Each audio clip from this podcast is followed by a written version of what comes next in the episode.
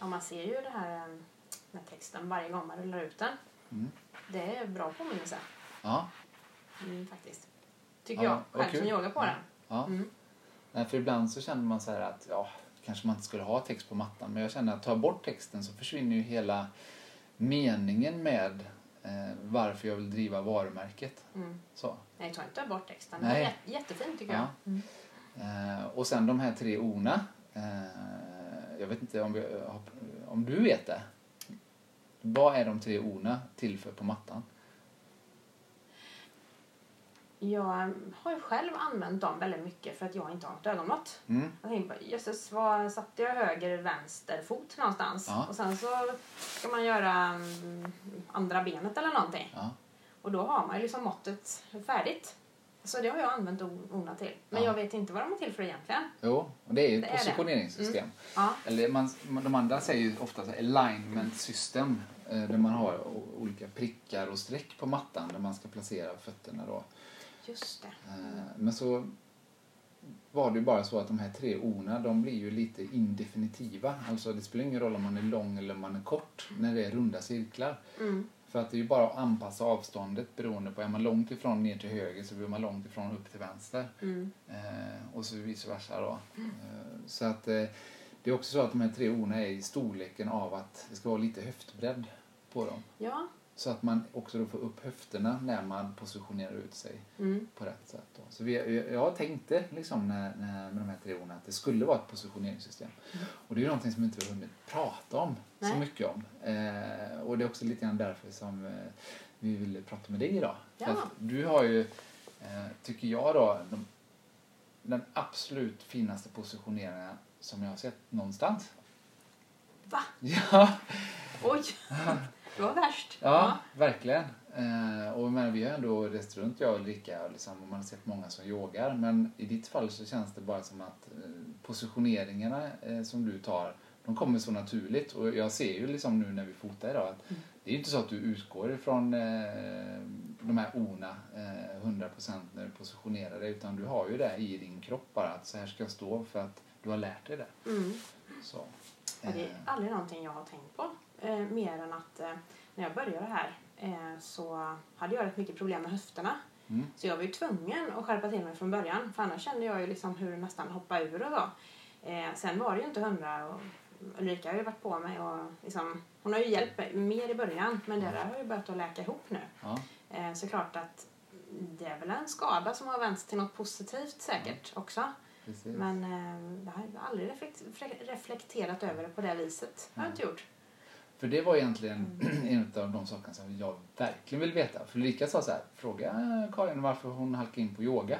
Ja, Och så var man så här, man ville ju bara fråga Ulrika direkt, varför då? ja precis. Så här, Ja. Men jag bara så här, "Åh, nu frågar inte Ulrika, fråga Karin. Ja. Så jag vet inte. Kan du berätta varför du halkade in på yoga? Hur jag halkade in, ja. Det, man kan säga att jag halkade helt och fullt för att eh, ehm, eh, hon eh, som bodde granne med mig då för, vad blir det nu, eh, fem år sedan. Nu måste jag räkna här så Mm. jag minns alltså inte ens årtalet så jag kan liksom inte säga något. Du får klippa lite här. Ja. Ehm, det här var hösten 2018. Ja. Ehm, så frågade grannen mig om eh, jag skulle följa med på yoga. Ja. Ehm, och jag ha- hade tänkt liksom att aldrig i livet att jag testar yoga. Jag kommer slå ihjäl mig. Och helt plötsligt så bara får jag ur mig Jo men jag kan på onsdag, jag kan köra då.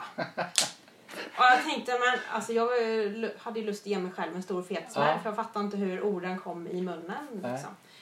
Ehm, ja, och vi åkte dit och ehm, det var ju bara helt magiskt. Ja. Då var det Hatha Vinyasa yoga. Ja. Den är ju mycket in- influerad utav Ashtangan och hon eh, som hade hand om det, så ledaren då, läraren, yogaläraren, hade var Ashtanga-tjej Mm. själv. Ja.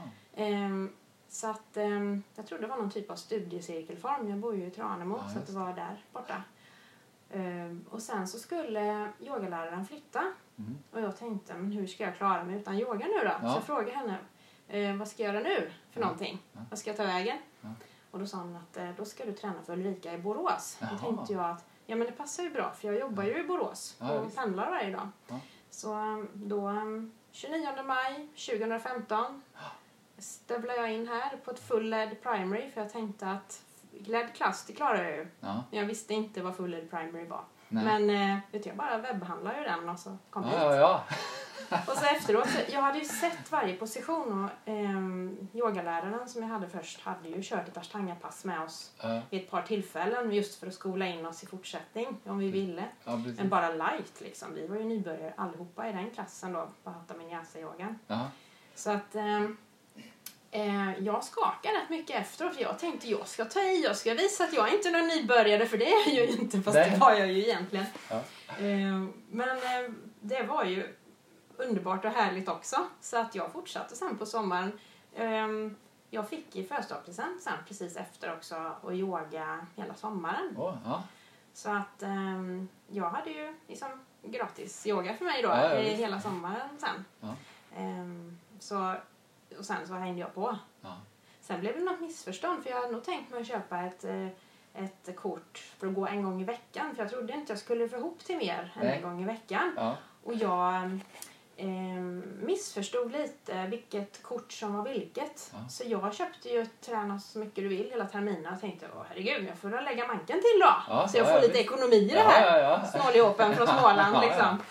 Ehm, så ehm, ja, och då, då visade det sig att jag hade möjligheter i och med att det var lite morgonklasser och sådär. Mm. Och så ju mer man får desto mer vill man ha nästan. Så att eh, sen har det bara rullat. Och sen eh, var jag med i, eh, när Dylan kom hit första gången, tror jag det var april 2016.